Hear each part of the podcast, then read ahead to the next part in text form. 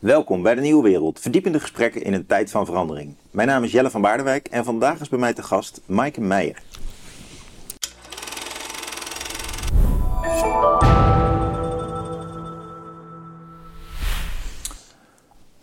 Dag. Jelle. Welkom hier in Leiden. Hoi.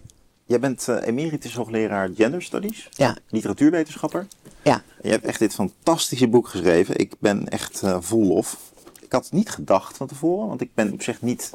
eh, gender studies vind ik ook vaak vol, vol vooroordelen. En ik, ik, ik schrik er ook wel eens van wat daarin wordt beweerd. Maar jij hebt er toch wel echt eh, ja, warm voor eh, gemaakt. Dus we gaan het erover hebben. En ik vind het vooral een heel erudiet boek. En dat is eigenlijk voor jou oeuvre wel. Een mooie Vassalis biografie die op je naam hebt staan.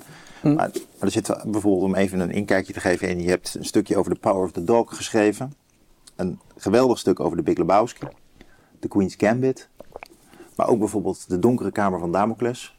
ja. Van eh, Willem-Frederik Hermans. En toen ik het eh, las, dacht ik, daar kreeg ik echt weer zin om zelf Hermans te lezen. En te denken, van, Ja. heeft je nou gelijk? Want ik ja. ken dat net als veel mensen natuurlijk meer uit de middelbare schooltijd. Maar dat is ook een boek dat veel indruk op me heeft gemaakt. En zo eh, gedurende het lezen ontdekte ik eigenlijk van wat, wat, een, wat, een, wat een prettige smaak jij hebt. En hoe eh, gemakkelijk je ons daarin meevoert. Van kijk, kijk eens daarnaar, dan heb je dit zo gelezen. ja. En het gaat ook over mannen. Ook een thema dat mij bezighoudt als man. ja. Ja. Eh, je zegt zelf ook wel, I'm one of the, one of the boys. Ja. Dus, eh, het is ook in die zin niet helemaal een eh, studie naar het andere, maar ook naar het mannelijke in de vrouw. Ja. Ja. En, en, naar het binaire denken zelf. Dus nou, laten we gewoon eens er doorheen gaan. Ja. Het, het past, om te beginnen, de thematiek past bij jouw eh, denkkader. hè? Want je bent dus en geïnteresseerd in het vraagstuk van wat, is, wat is gender en hoe wordt dus. Eh, hoe worden sociale rolpatronen, hoe beïnvloeden die onze perceptie van eh, onze seksen? En, en je hebt, je hebt veel eruditie over, eh, ja, over de ge- geschiedenis van poëzie, film, boeken. Ja. Nou, ik, ik dacht eigenlijk, er zijn natuurlijk, worden natuurlijk heel veel debatten gevoerd over problemen van vrouwen en iets minder over problemen van mannen. Eh, en over de seksenverhoudingen en hoe dat de hele tijd verandert. ehm, de geschiedenis daarvan. eh, ehm, het glazen plafond. eh, elke keer komt er wel weer een nieuw probleem langs zij. En, en ik wilde eigenlijk een soort ehm, visie daarop ontwikkelen. Ik wil het uiteindelijk natuurlijk wel over maatschappelijke dingen hebben. En hoe we met elkaar omgaan. En over gelijkheid en gel- gelijkwaardigheid en een betere wereld. Maar ik, ik wou, en genderverhoudingen die horen daar natuurlijk heel erg bij. Hoe je, daar, hoe je, die, hoe je, die, hoe je daarmee omgaat.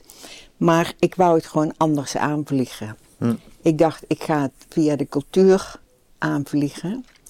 Ehm, en ik heb me heel erg veel bezig gehouden met vrouwenliteratuur, met feminisme, met, met vrouwen in de cultuur, waarom die niet gezien worden enzovoort.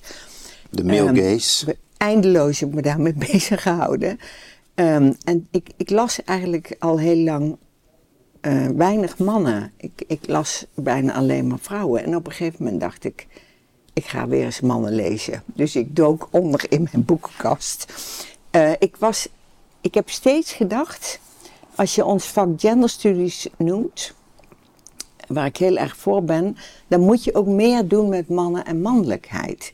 En we hebben een, binnen genderstudies een aantal beoefenaren, hè, zoals Stefan Dudink in Nijmegen, Ernst van Alphen. Eh, er zijn mensen die, die dat doen, maar niet veel. Er, er is wel een, een, ehm, een vakgebied wat mannenstudies heet. Hm. Eh, maar dat, dat is pas twintig jaar geleden begonnen, zeg maar. En, en ehm, daar wilde ik een bijdrage aan leveren. Ja. En ik heb natuurlijk lang gedacht, hoe moet ik dat doen? Want ehm, eh, feministen die zich met mannen en mannelijkheid bezighouden, die zijn meestal erg afkeurend over de mannelijke mens. Die doet dan alles Ja. fout.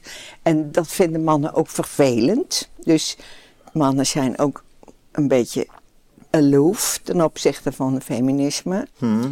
Eh, en dat wil ik op een manier doorbreken. En eh, ik dacht dat kan, want sorry, ik voel me eigenlijk eerlijk gezegd niet zo erg een vrouw. Hm. Het, het gaat niet zo heel erg over mij. Ik ben een feminist op politieke gronden. Hm.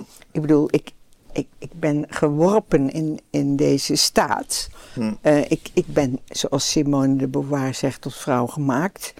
Maar mannen zijn ook tot man gemaakt. En ik, voel me niet zo. ehm, ik, Je voelt je androgyn. ik- de female mystiek van wij zijn zo zorgzaam en, en lief en mooi en zo. Ik denk, fuck op. Ik bedoel, het gaat niet over mij. Ja, ja. Ik, ik, ik, ik, wil, ik wil die. Ik, eh, ik, heb daar geen zin in. Ik heb me als, als eh, meisje heb ik me eigenlijk altijd meer een jongen gevoeld. Hm. Eh, en ik ken wel meer van die jongensmeisjes die dachten van ik mag gewoon meedoen in de wereld, ik mag zijn wie ik ben. Ja. Eh, en, dan, en dan loop je toch op een of andere manier tegen de muur aan. En ik dacht, ja, ik heb, er is dus een verwantschap eigenlijk tussen, tussen jongens en mij. Want ik voel me eigenlijk ook one of them. Ik heb ook hele leuke vrienden met wie ik van alles deel. En natuurlijk gaat dat voor, voor mannen en jongens ook vaak op. Hè? Dus dat, eh, dat jullie, zal ik maar even Ja. zeggen, jullie krijgen het ook maar in je nek geschoven van eh, hoe je moet zijn en waar je allemaal moet beantwoorden. En, eh, Ja, wat zo. en, en ik dacht, dat, dat vind ik de insteek. Maar Ja. toen ik al die ehm mannenromans en films eh, weer ging kijken, toen zag ik allerlei dingen die ik helemaal niet terugvind in de interpretatiegeschiedenis van die, van die werken. Hè. Dus, ik, dus mijn voorbeeld waar ik mee begin, dat is Moby Dick. Dat is een heel befaamde roman uit de 19e eeuw.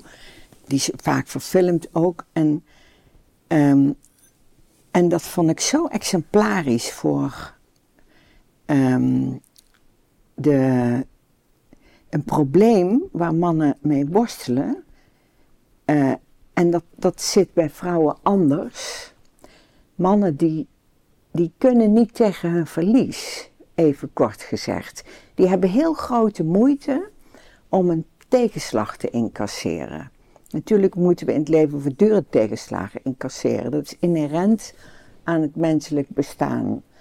Eh, en eh, die, die kap, het gaat over kapitein Ahab, Moby Dick. Dat is een walvisvaarder. Hij is ehm, op een walvisjacht is hij te pakken genomen door een witte walvis. Die noemt hij Moby Dick. Die heeft hem in zijn bek gehad. Moet je nagaan. En die heeft hem een been afgebeten. En dat heeft hij nog overleefd ook. Dus die walvis is er vandoor gegaan. De kapitein loopt rond met één been. Met een mooi houten been. Hij kan er prima mee lopen. Dus niks aan de hand eigenlijk. Maar hij is op een of andere manier bezeten van... Ik moet die walvis ooit doodmaken. Dus gewoon eh, de zaak overzien en zeggen: Ik heb pech gehad. Wraak Het zij zo, braak. Nou, dan, dan, het is heel spannend. Eh, de hele crew van die boot zijn, het is een boot vol met mannen. Dat is heel interessant. Er is één stuurman. Die, Typisch mannenwerk, toch? ja, die, die stuurman die heeft door van dit gaat fout, we moeten naar huis. Dit is totale waanzin. Maar de rest raakt allemaal geïnfecteerd door die zucht om dat monster eh, te doden. En dat loopt helemaal verkeerd af. Met man en muis gaan ze eraan. Er is één scheepsjongen die het overleeft, die vertelt het verhaal. En, en dat begon ik steeds meer paradigmatisch te vinden. Voor een aantal verhalen die gaan allemaal over eh, mislukkende, zelfdestructieve mannen. Die toch heel vaak worden gezien als helden, wat ze helemaal niet zijn. Ze zijn anti-helden. Alles mislukt. Eh, maar toch de heroïek van ik ga door. Dat is zo verleidelijk. Vooral voor mannen, maar ik denk vrouwen trappen er ook in. Eh, En dat, dat, dat patroon, dat wilde ik ontrafelen. Want, want je zegt het al meteen, de vrouwen hebben dat ook wel eens, maar niet, niet zo op die, niet op die manier. Vrouw, vrouwen, wij worden door onze socialisatie getraind in verlies nemen. Wij krijgen altijd te horen, of van begin af aan, als je als meisje wordt geboren, heb je al gauw door van, ja, je bent eigenlijk toch ietsje minder, niet zo grote mond opzetten. Ehm, hebt- en jongens ik- ik krijgen te horen, ja. Jo- jongens krijgen structureel te horen, je bent beter. Hm. Waarom? Ja, geen enkele reden. Omdat je een jongen bent, ja, dat is natuurlijk helemaal geen reden. Maar Ik quote je nog eventjes. Ja. Je zegt op pagina 24... Mannelijkheid wordt verbeeld als een ondraaglijke last, zo schijnt het mij toe. Wat betekent dat? Waarom lijden mannen zo en waaraan lijden ze? Ze hebben toch meer macht, geld en aanzien dan vrouwen in hun sociale groep. Maar juist dat is het probleem, het mannenprobleem. Ja, ik, ik, ik, ik, eh, ik, ik vond het echt een he- heel mooi boek. Het is echt sterker nog, het is een van de, echt, een van de beste boeken die ik in 23 heb eh, gelezen. En ehm, toch ben ik het hier, ik, ik heb er lang over nagedacht, maar ik, ik kan er helemaal niet bij. Ik herken het ook Ja. niet. Maar, dus bijvoorbeeld, bijvoorbeeld, ik zal je een klein voorbeeld geven. Ik, eh, ik ben 41 en ik eh, verkeer al zeg maar een jaar of tien in groepen waar mensen kinderen krijgen en daarover Ja. eh, praten. En het valt mij op dat vrouwen het eigenlijk heel normaal vinden om het tegen elkaar te zeggen. Dat ze liever een dochter willen dan een zoon. Dus dat- Oh ja? Ja. Eh, ik heb ook kinderen op de basisschool. Dat valt mij heel erg op dat meisjes het eigenlijk eh, beter doen. Ik werk op de Ja. universiteit. Ik zie eigenlijk Ja. gewoon... Ja, ik, zie, ik, ik, ik durf gewoon te zeggen dat meisjes gemiddeld beter zijn in het Ja. volgen van studies. Het halen van tentamens. dat, dat, dat is zeker zo. En, en dus het is de, de, de- dat de vrouw eh, een soort onderdrukte positie zou hebben. ja. Ik zou ook zeggen dat zelfs het bestuderen van dit soort verhoudingen eigenlijk inmiddels, ja, je zou maar geïnteresseerd zijn in Nederlandse geschiedenis of literatuur. Het is juist als je ook geïnteresseerd bent in de rol van de vrouw, liefst de onderdrukte vrouw. Ja, dan kun je eerder subsidie krijgen, dan kun je meer, kun je meer debatten aangaan. Dus ik, ik zie deze hele, dat mannen meer macht, geld en aanzien hebben. Kijk, in mijn generatie is het eigenlijk al lang zo dat, ja, je moet het geen positieve discriminatie noemen. Want het is een soort correctie op een eh, mannelijke boemercultuur. Maar het voorkeursbeleid is gewoon vrij heftig. Als vrouw maak je snelle carrière. Ja. Gewoon eenduidig, in alle sectoren. Ja. Alleen, Ja. je moet inderdaad wel een bepaalde mannelijke voorwaarden voldoen. Dat geef ik toe. Dus bijvoorbeeld, je moet wel... Nee, maar even, even afmaken. Dus, dus, dus, dus dat idee van dat onderdrukt zijn, ik vind het een heel mooi boek, maar dat, daar, daar kon ik toch. Dus misschien kun je eens ophelderen van mij van hoe jij tot die observatie komt dat mannen zoveel meer aanzien hebben. Is dat niet iets van zeg maar uit de eerste, tweede feministische golf? Is dat nou nu nog echt zo? Helaas wel. Eh, maar het verandert heel erg. Ehm, eh, het is inderdaad zo dat, dat vrouwen eh, vaak zelfbewuster zijn. Eh, dat dat het, het er voor meisjes wat zonniger uitzien, ziet. Meisjes zijn minder belemmerd in het ambitieus zijn, studeren beter, sneller. Ehm, maar er is nog steeds een pay gap. Hè? Vrouw, je moet ook naar de cijfers kijken. Ja, maar dat is, dat is Er- vooral, er vooral voor oudere vrouwen. En dat is, wordt volgens mij echt met, met enorm snel ingehaald. Dus in de hele publieke sector gaat het al niet meer op. Dus Nou, nou eh, de, de, de pay gap is nog altijd tot op de dag van heden 15 procent. Ja, er, moet, gemiddeld er gesproken. moet nog heel erg aan, Ja. aan ge- gewerkt worden dat, dat eh, vrouwen eh, op de universiteit, maar ook ehm, op de universiteit zou je zeggen is toch niks aan de hand, want je hebt een bepaalde rang en een bepaalde... En nou, die, je zit in schaal 12, eh het Ja. treden 6, hupsakee. Ja, maar juist Maar- op de universiteit is er gewoon een generatieprobleem. Dus daar ga ik helemaal niet mee. Ik werk er zelf, ik weet het heel Ja. goed. Eh, vrouwen zijn daar gewoon geprivilegeerd nu. Het gewoon, je, kan, je kan hoog of laag beweren dat er een pay gap is, maar dat is, wordt echt radicaal snel ingehaald nu. Sterker Ja. nog, ik zou willen beweren dat jongens gewoon echt de dupe hiervan zijn. Omdat wij moeten corrigeren wat de vorige generatie niet eh, eerlijk heeft verdeeld. Dus maar, maar da- da- daar hoeven we nu specifiek niet over te hebben. Het ging mij meer om van, ja, ik vind het wel een bouwde claim hoor. Dat vrouwen, dat mannen zoveel meer macht, geld en aanzien hebben. Om te beginnen dus dat aanzien. Ja, is dat nou zo, Maaike? Maar De, eh, ik heb, ik heb met enthousiasme doorgelezen, omdat jij toch eigenlijk, je maakt een psychoanalyse hè, van deze thematiek. Je zegt Ja. eigenlijk, de man, Ja. je zegt het hier al, de man heeft iets eh, van- leed, de man heeft iets te lijden. En dat heeft, die, en heeft de man meer dan de vrouw. Ja, ik, de, de kortste samenvatting van mijn eh, theorie is: privilege is een handicap. En dat, dat zou je helemaal niet zeggen, want je zou zeggen privilege is gewoon prettig. Hm. Het is gewoon fijn om Hm. meer gewaardeerd te worden. Maar als je een kind verwendt, dan doe je hem echt geen plezier. Verwende kinderen worden heel erg vervelend. Die, die, die kunnen zich niet verplaatsen in anderen, die hebben weinig empathie. Hm. Dus, dus eh, voor de psychologische ontwikkeling is het, is het goed om als kind al te leren van je kunt niet alles hebben, je kunt niet alles zijn. Maar jij denkt echt dat mannen in de opvoeding al, en dan als voorbeeld de pay-gap, dus geprivilegeerd zijn in Nederland. Dat is, dat is de grondintuïtie. Ja. En Ja. daaraan hebben we te lijden. Eh, eh, we, we hebben het, eh, eh, het, heeft, het heeft iets met, met sociale klasse ook te maken. Dus het, het geldt niet. Eh, ik herinner me nog. het is vooral dat migrantenmilieus dat mannen geprivile- geprivilegeerd Eh, zijn natuurlijk. Hè? Turks-Marokkaanse mannen. in migrantenmilieus is het vaak sterker. Ehm, en wij, wij kijken dus ook voortdurend in de spiegel. Want wij zien voortdurend, als je naar Marokkaanse eh, gezinnen kijkt, dan zie je gewoon verhoudingen die in Nederland in de jaren 50 heel erg gangbaar waren. Mhm. Dus vrouwen mo- mochten absoluut niet zich buiten de familiekring begeven, moesten kuis zijn. eh, eh, in sommige Joodse milieus is ook enorm conservatief op de Bijbelbelt. eh, maar in stedelijke ontwikkelde milieus is het beter. Maar bijvoorbeeld, er heeft net iemand een heel mooi boek geschreven over de authority gap. Hm. Dat is dat, eh, dat als mannen iets zeggen, wordt dat serieuzer genomen dan wanneer vrouwen iets zeggen. Als je de spreektijd meet in vergaderingen, dan, dan worden vrouwen eerder afgebroken. En dat, ja, eh, dat, ja dat, dat kun je gewoon met onderzoek ehm, eh, onderbouwen.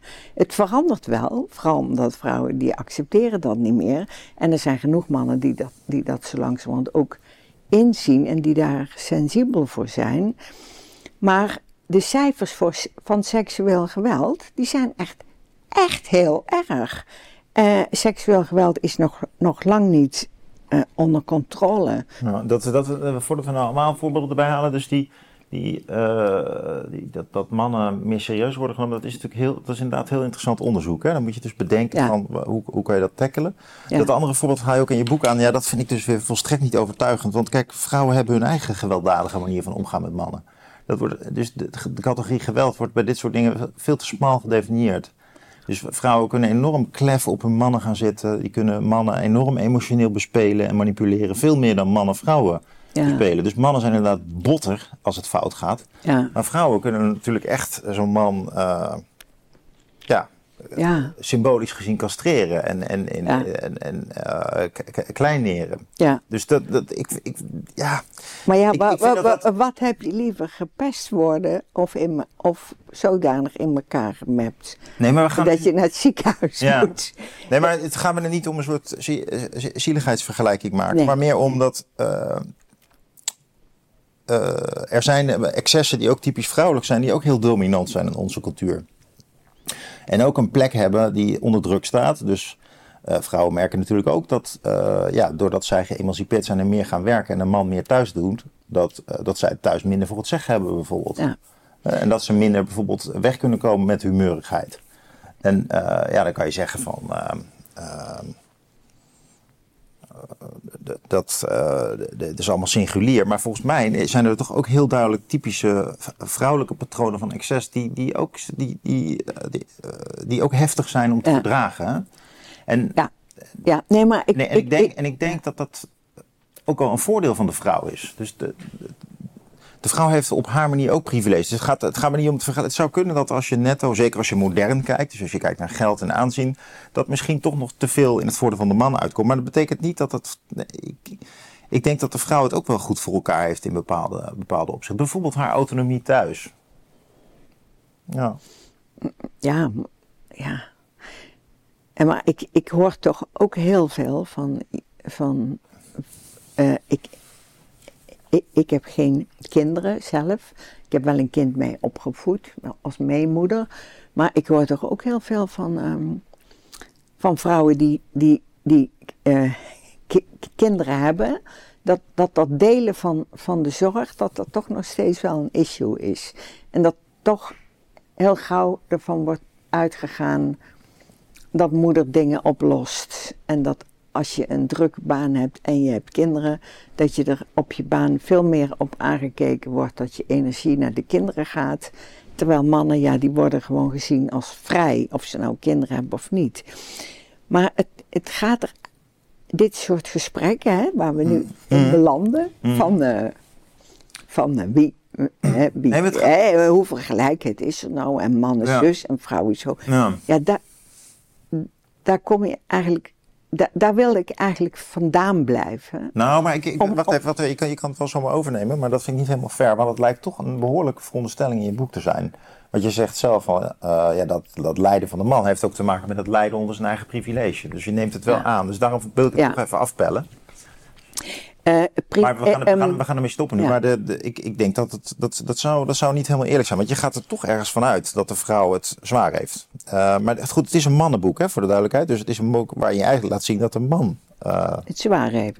die, die, die moeilijkheid ook Ja. met zich meetorst. Nou, Dus, eh, ja, en- ik, ik, ik probeer eigenlijk te, te laten zien dat, dat omdat ik dus al die mannenverhalen lees en bekijk, van waar mannen specifiek vastlopen Mhm. en dat, en dat ze dan eigenlijk ook in de steek worden gelaten. Mhm. Het, het, ehm, Dus, dus zichzelf ook. door zichzelf en door hun omgeving. Mm. Dus dat, dat, eh, dat ze niet worden gezien als je, je zit jezelf ontzettend in de nesten te werken eh, en niemand kan jou stoppen.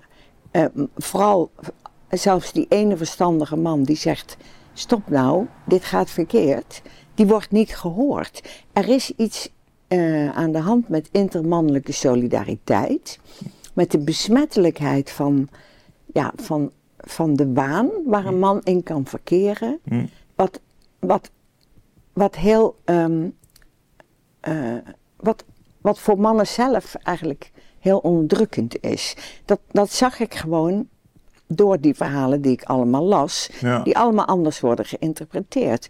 Dus als je.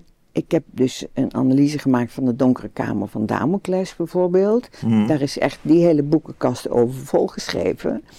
Maar ik zie een man die helemaal verpletterd wordt door mannelijkheidswaan. Namelijk, hij kijkt in de spiegel als kleine jongen en hij ziet: ik heb een te hoge stem, ik ben te klein, eh, ik, ik, ik ben niet goed, ik, ik, ik, ben een min, mi- misbaksel.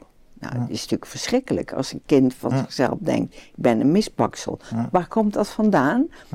Van, ehm, van zijn eh, tante Fietje. Ik bedoel, hij heeft een verschrikkelijke jeugd. Zijn, zijn moeder heeft geloof ik zijn vader vermoord. Eh, eh, zijn moeder is gek. Ehm, eh, hij wordt bij tante Fietje ondergebracht. Eh, zijn nichtje misbruikt hem. Dus hij heeft een ouder nichtje, die, die pakt hem in bed. Ehm, op zijn twaalfde of zo. Z- zijn tante Fietje hoort hij zeggen tegen haar buurvrouwen... Ja, die jongen die, die is een zevenmaans kindje. Zijn moeder heeft hem eh, op de plee verloren. Dat is de jeugdgeschiedenis, hè? Die Ja. wordt verteld in 15 pagina's. Die wordt nooit in de interpretatie betrokken. Maar dit gaat over een, een jongen die zo beschadigd is... en die dat probeert te compenseren door te denken... als ik nou, als ik nou eens een echte man was... dus als die hoge stem nou weg was... en als ik nou... Ja. Dus hij gaat op judo... eh, en dan wordt hij heel sterk, maar dan, dan ziet hij ook weer een, een, een soort monster in de spiegel.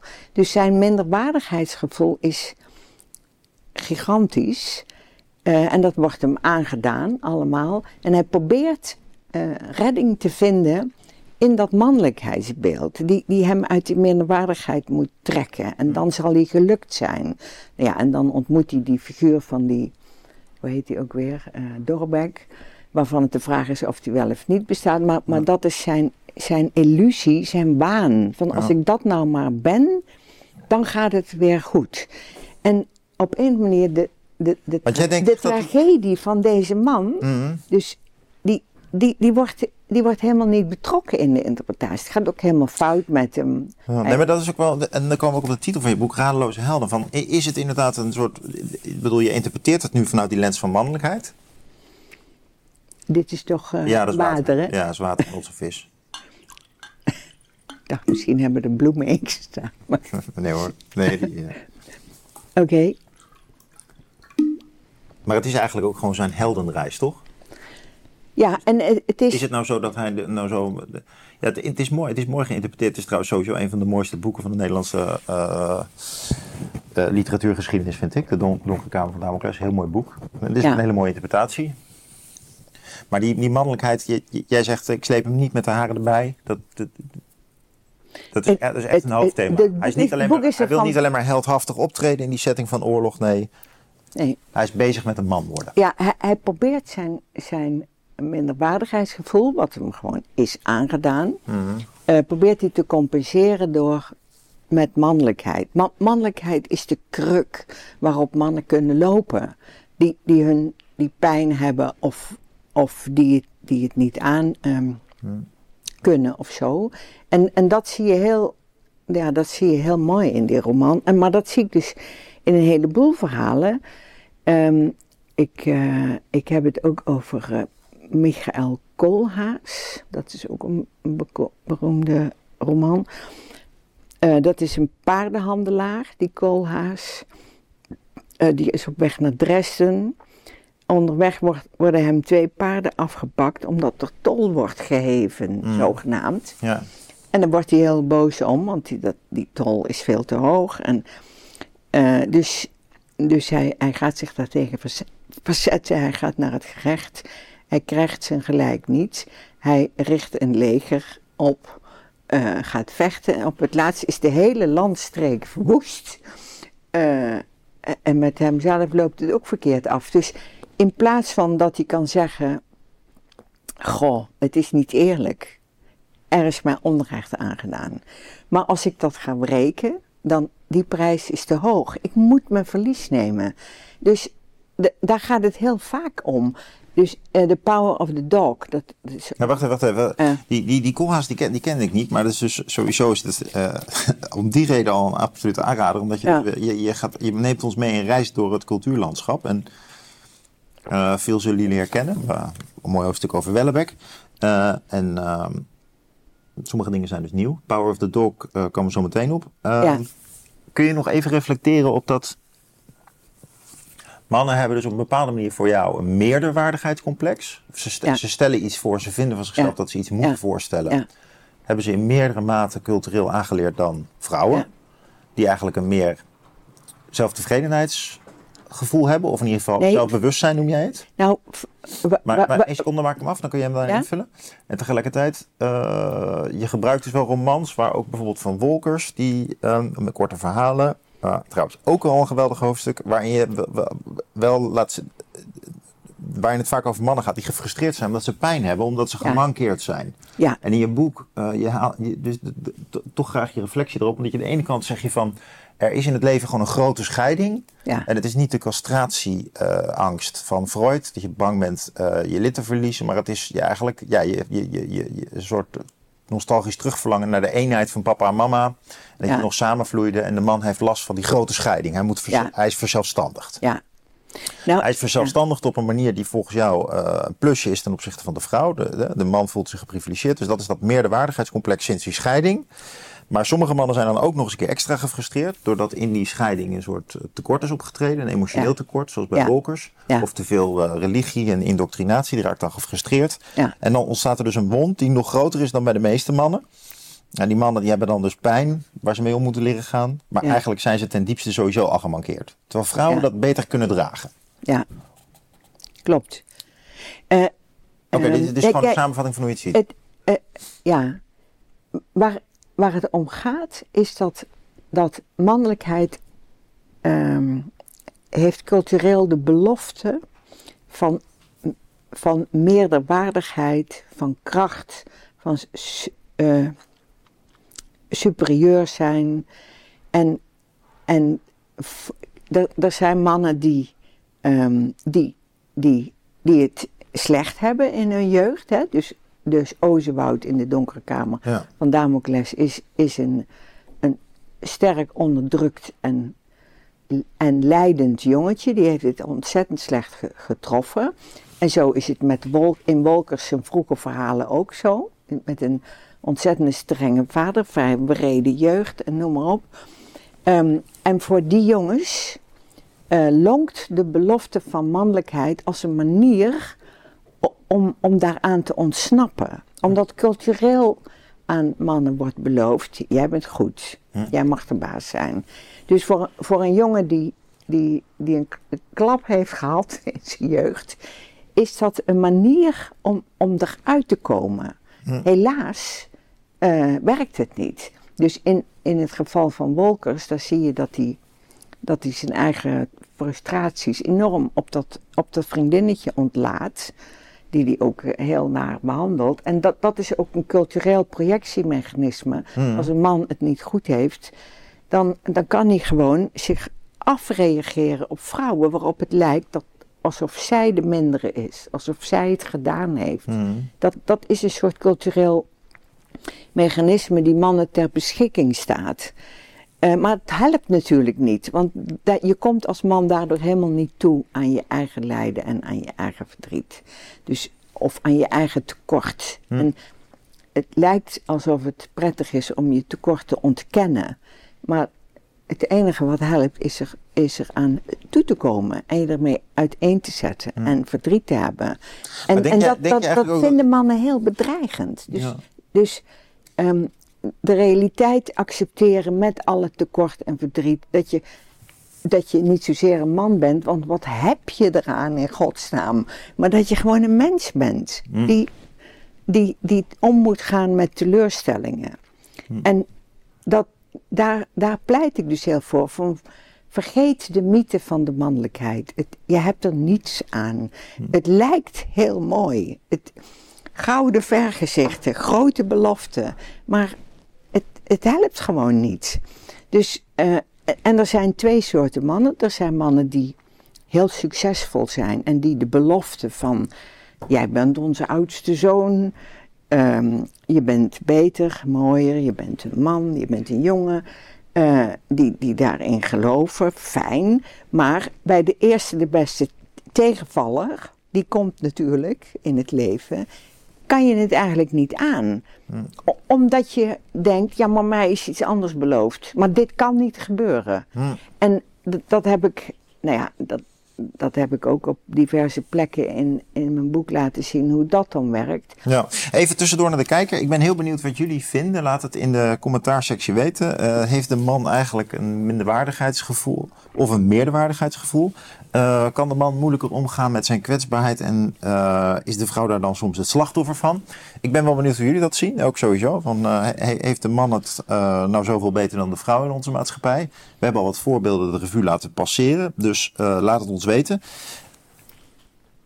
Ja, er zijn ook een aantal films en, en um, voorbeelden die aanhaalt waar je zou kunnen zeggen waar de man de ziel meer op orde krijgt. En een van, ja. een, van is... Um, um, de Big Lebowski. De Big Lebowski. Ja. Maar ja, ik, ik aarzel een beetje met wat zeggen, omdat het ook een soort, soort, toch een beetje zo'n soort sulle-film is. Maar leg jouw interpretatie nee, is geen Nee, ik, ik vind het een enige film. Ja, je hebt ervan genoten. Ja, ik vond het heel, heel Het is ook echt een cultfilm. Ja, maar het is gek genoeg ook een film die jongens heel erg leuk vinden. Dus het is een mannenfilm die mannen op een of andere manier troost uh, of, of amuseert. Uh, je ziet dus een, een, um, een man, uh, die heet Lebowski. En dat is gewoon, ja, die, die legt de lat niet zo hoog. Hij heeft een beetje slordig appartement. Hij staat laat op, gaat in zijn kamerjas en op zijn sloffen naar de plaatselijke supermarkt om een pak melk te halen. Uh, gaat met een grote melksnor die, nou ja, het is gewoon, je denkt echt van wat hebben we hier. Um, Maar hij is heel erg uh, goed, goed gemutst. Hm. Hij is enorm tevreden met zijn leven. En daar komt een breuk in, omdat hij, omdat hij een inbraak krijgt door uh, boeven die denken dat ze een andere Lebowski te pakken hebben, die, die heel veel geld heeft, die willen ze beroven. en als ze om, en dan kijken ze rond en dan roepen ze, but you're a fucking loser. dus ze hebben de verkeerde. Maar dan gaan ze eh, eh, een plas doen op zijn tapijt en de boel in elkaar slaan. Dan is Lebowski heel kwaad. En die denkt, nou, ik ga die echte Lebowski even zoeken. Want die moet de schade maar vergoeden. Dan krijg je dus een confrontatie tussen een hele rijke man... eh, en, en deze, het is een soort hippie, hij heeft lang haar. En, eh, en eh, die confrontatie is heel erg grappig. Dus die rijke man die heeft zoiets van, nou, je zoekt het zelf maar uit. En wat ben je eigenlijk voor iemand? Eh, eh, wat kom je hier doen? Ga, ga een baan zoeken. En dan zegt hij, een baan? Geen idee. Nou ja, het is heel grappig. Maar wat je ziet is dat die Ja, je lacht je dood. dat, dat het is een wraakactie. Nou, er zijn nog allerlei verwikkelingen. Maar die, die, die, die, die hippie, die heeft ook eh, twee vrienden. Donnie en, eh, en nog een andere man, die is Vietnam-veteraan. En die, die, die vrienden van hem, die, die zitten eigenlijk ook allebei in zwaar weer. Dus het zijn mannen die, die niet zo goed kunnen leven. Die Vietnam-veteraan, die krijgt een oorlogsuitkering. Die kan alleen maar over Vietnam praten. En met die Donnie gaat het ook niet zo goed. Maar met z'n drieën hebben ze het eigenlijk heel gezellig. Ze gaan steeds bowlen, door dik en dun. Ehm, eh, ze drinken, ze praten. Ze maken het gewoon leuk met elkaar. Ehm, en hij krijgt op een gegeven moment, krijgt Lebowski ook een vriendin. Daar is hij ook heel erg relaxed mee. Maar hij is helemaal niet bezig met, ja, met status, met werken, met succes. Hij ondergraaft dat hele succesverhaal. Mm. Met een soort... Maar hij is, hij is gewoon krachtig. Het is, het is een schat. Heel goedmoedig. Hij zit ontzettend lekker in zijn lijf. Ehm, en, en ze helpen elkaar. Hm. Eh, het, het is een heel eenvoudig leven. Wat dwars ingaat tegen alle ideeën van succes, maakbaarheid. eh, ook mannelijkheid. Ja, ze weten dat redden we toch niet. Dus we beginnen er maar niet aan. Ik vind het een enige film. Het is ook echt lachen. En eh, Ja, ik vind het als je ook. niet kent, ga hem kijken. Ja, ik, ik bedoel, het is- als je denkt dat werk alleen maar om succes en geld draait, dan eh, heb je volgens mij ook een afslag gemist. Maar eh, het is inderdaad waar dat sommig werk daar natuurlijk om draait en sommige mannen zijn daardoor geobsedeerd. Ja, Ik denk dat je Ja. ook veel eigenwaarde kan ontlenen, juist als man, eh, aan je voegen in een werkpraktijk. ja, Dat je daar ook enorm van kan opknappen. Ja. En ook je biologische, sociologische en psychologische energie goed kwijt kan. ja. Dat als je Ja. dan thuis achter de film en op de bowlingbaan gaat zoeken, dan. Ik weet niet, dan cultiveer je ambitie niet. Dan kan het ook een beetje futloos worden. En dat zie ik toch ook wel Ja. in die film. En dat, bedoelde ik met zullig. Ja. Eh, de- de- de- de- de- en dan is het ook nog eigenlijk eh, langharig, werkschuw Langharig gevoel dat je erbij ja. krijgt. Ja, maar het is. En dan, het is dan dus denk ik toch als man, ja, Ja. weet je wel, dan heb je het wel echt opgegeven. Gewoon. Ja. Dan ben je, dat is wel echt een platte compliment. Maar er zit, er zit veel meer in de film. Dat en jij hebt het mooi beschreven. Nou ja, die, die tragiek van, van een Vietnam-veteraan, dat, dat wordt wel, die, die, die man die is zo getraumatiseerd, die, die, ja, het is überhaupt een wonder dat hij, dat dat er nog is. En dat hij door die vrienden overeind wordt gehouden, zodat hij een beetje een leven heeft. Ehm, en, maar het is natuurlijk ook een, een, een antifilm. Het is, het is een film wat, die dwars tegen, de, tegen, tegen dat perfectionisme en, en, en die succesverhalen ingaat. Ja. Maar er zijn, natuurlijk, er zijn natuurlijk best wel veel mannen die, die het helemaal niet. Die, die niet kunnen beantwoorden. En al die succesverhalen, ook in Nederland, zijn er. Mannen plegen bijvoorbeeld meer zelfmoord, hè? jonge mannen. Ze echt plegen, ik geloof, twee keer zoveel zelfmoord als vrouwen. Terwijl je zou zeggen, ja, misschien is het leven voor vrouwen moeilijker. Maar nee, maar mannen plegen meer zelfmoord. Ehm, Ja, mannen kunnen veel En- moeilijker en- aan een vriendin komen dan vrouwen aan een man. Ik bedoel, die, die hele privilege, ja, maar dat, dat, hypothese van jou, daar valt best wat tegen in te brengen. Maar zeker, maar, maar Maak je punt. In, in mijn ogen eh, eh, zit mannelijkheid mannen in de weg. Dus die, Ja. die ideeën van ik mag niet falen, Hm. dit, dit kan niet, ik moet dit verbergen. Er zijn een heleboel mannen die, die zwijgen, eh, gaan niet bij ziekte veel later naar de dokter gaan, Hm. veel sneller verslaafd zijn. geen hulp zoeken bij problemen, want je mag geen problemen hebben, want die moet je zelf oplossen. Dus op een bepaalde manier laten we mannen ook in de steek. Uh, ik, ik, las net een fantastische, goede documentaire, een, een, journalistiek stuk over het gebruik van anabole steroïden. Uh, daarmee kun je, je je lichaam enorm oppompen. Hè? Er gaan 3 miljoen mensen in Nederland naar sportscholen, mannen en vrouwen. Uh, daarvan uh, gebruiken 400.000 mannen anabole steroïden. Uh, die doen het voor de, voor de krachttraining. En 80.000 vechtsporters, ook bijna allemaal mannen, die doen het voor, voor, voor de, nou ja, om mooier in vechtsport te excelleren. 480.000, dat is bijna een half miljoen mannen, zitten aan de anabole steroïden. Dat, dat is gewoon een, ja, een manier om de mannelijkheidsillusie uh, na te jagen.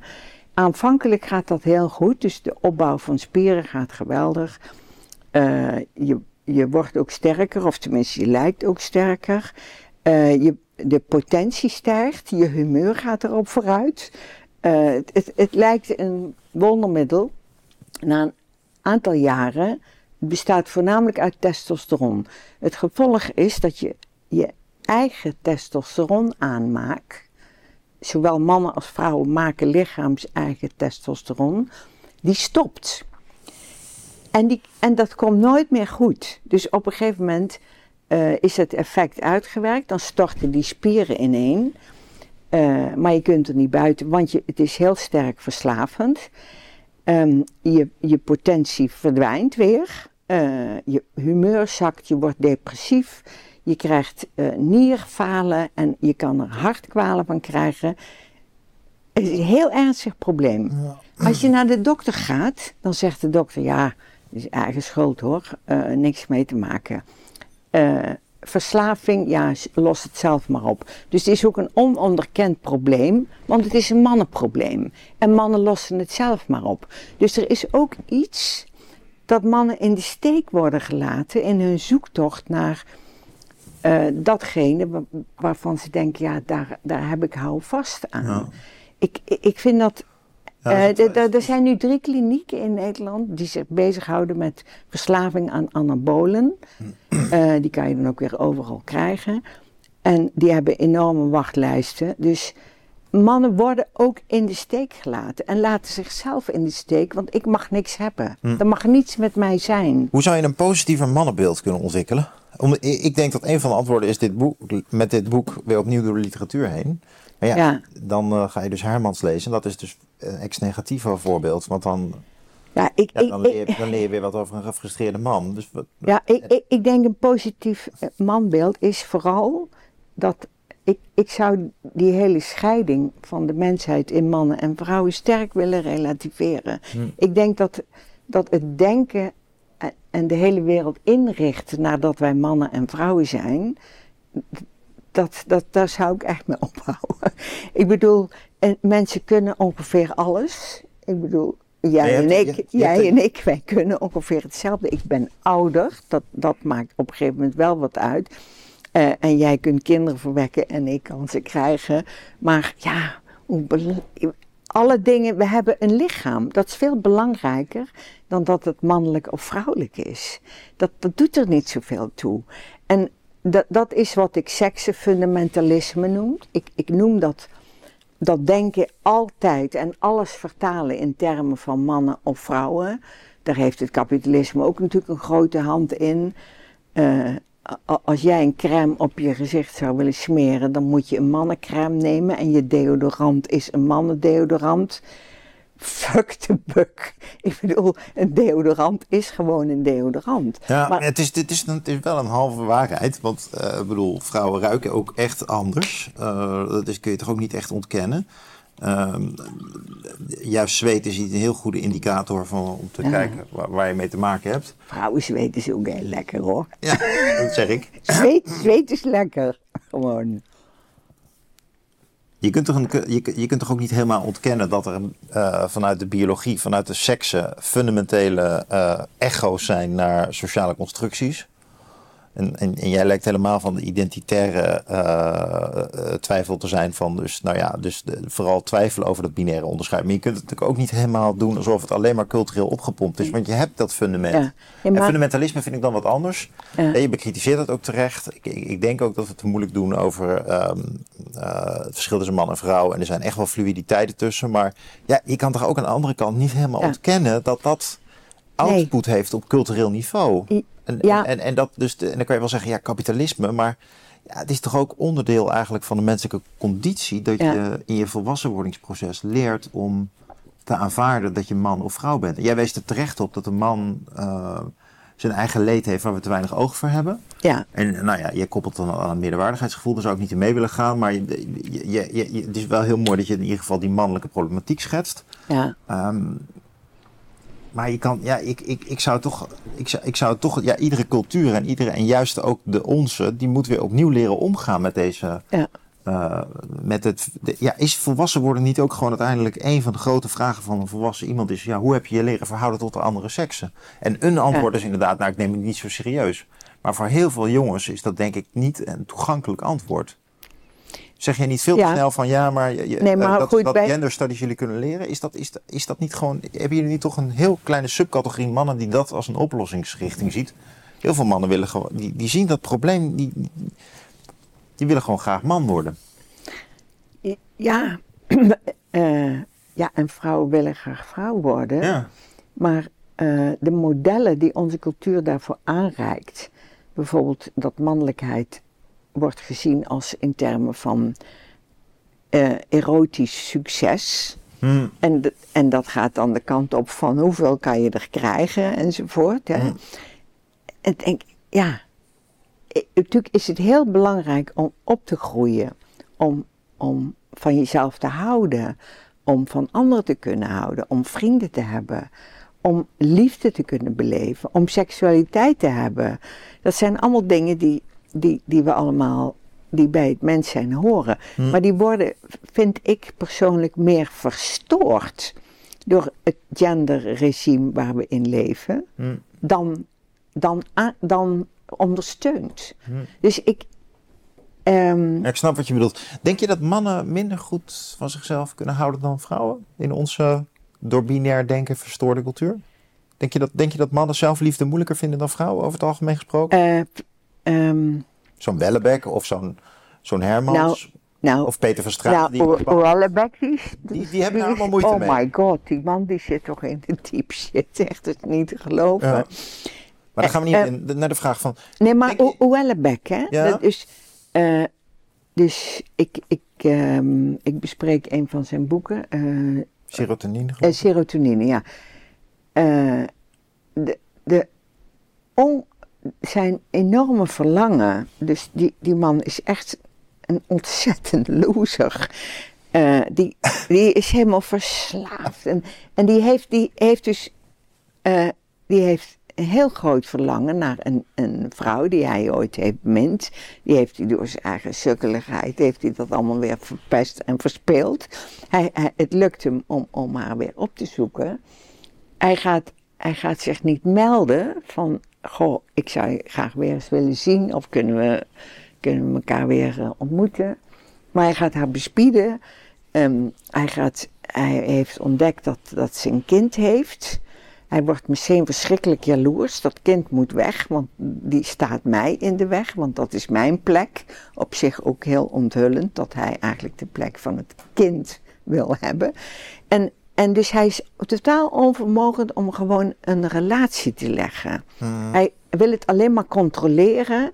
Uh, en hij, hij, gaat zich met een geweer verschansen. Um, en dat, dat, dat, lukt natuurlijk allemaal helemaal niet. En hij, hij gaat ook dan onder aan uh, verslaving. En nou ja, het komt nooit meer goed met hem. Dus het is een soort etalage van mannelijke onmacht, maar ondertussen allemaal dikke verhalen over wat voor seksuele veroveringen hij wel niet heeft gehad. Dus, dus die discrepantie. Grote auto's die hij rijdt. Ja, maar de, de discrepantie tussen, tussen de, de mythe en de, het etaleren van. en de realiteit is zo schrijnend. Hm. Dan denk ik van. Ja, het, het is voor al- alle mensen, voor vrouwen net zo goed. Die lopen ook rond met allerlei eh, succesverhalen, hoe het allemaal moet. Maar op een of andere manier zijn vrouwen iets beter in staat om te denken: ja, maar eh, ik moet toch gewoon leven. En ik, ik, moet toch gewoon vrede hebben met mezelf. Ja. En kunnen genieten van, van het leven. Dat, zonder al die, die normen van hoe dat dan moet en Ja. wie je dan moet zijn. Mooie kijkervraag. Denken jullie ook dat vrouwen beter van zichzelf kunnen houden dan mannen? Dat kunnen. Eh Maaike, dank voor het mooie boek. Eh, ik heb ook een boek voor jou, dat wij hebben Ah. uitgegeven. Van Byung-Chul Han. De Ja. palliatieve maatschappij. Ja. Dat gaat over, het is een filosofisch verhaal over pijn. En dat wij eigenlijk in een wrijvingsloze cultuur terecht zijn gekomen. Waarin we eh, niet meer, de- de weerstand niet meer goed kunnen verdragen. Ja. En niet meer er goed doorheen kunnen leven. Ja. Consumenten zijn geworden ook van ons eigen leven. Een, een leven van pixels in plaats van zout. dus we, kunnen niet meer, we kunnen niet meer vechten, zweten, bloeden. En het is echt het is een verrassend eh, filosofisch exposé. Ik ben benieuwd wat je ervan vindt. Het is wel een beetje, ja, nou ja, je bent one of the boys. Dus ik, ik zou zeggen, volgens mij eh, zal je er wel van genieten. Maar het is, wel, het is zeker geen eh genderstudies figuur. Maar ik, Het is, het, is, ik, het, is, het is een masculien boek. Maar ik, ik, denk, toch, ik denk dat het heel erg raakt aan bepaalde Ja. intuïties die jij ook hebt. ik, ik hoop dat hij differentieert naar, tussen mannen- en vrouwenlevens. Dus, dus hoe die palliatieve maatschappij ook mensen ook weer target als mannen of vrouwen. Maar het is ook wel antropologisch. Hè? Misschien is het zo dat een vrouw toch ook, eh, nou, ook op een andere manier om kan gaan met de tegenslag, biologisch gesproken al. Door, door de cyclus, door het vermogen tot baren, door, eh, de- door, door haar eh, zorgzaamheid, die ook al is die meer cultureel, eh, eigenlijk beter in staat is dus om om te gaan met die pijn. Dat het, Misschien, dat het misschien ja. daarom ook meer een mannenboek is. Omdat Ja, een vrouw zich niet zo makkelijk laat platspuiten door pilletjes en drugs.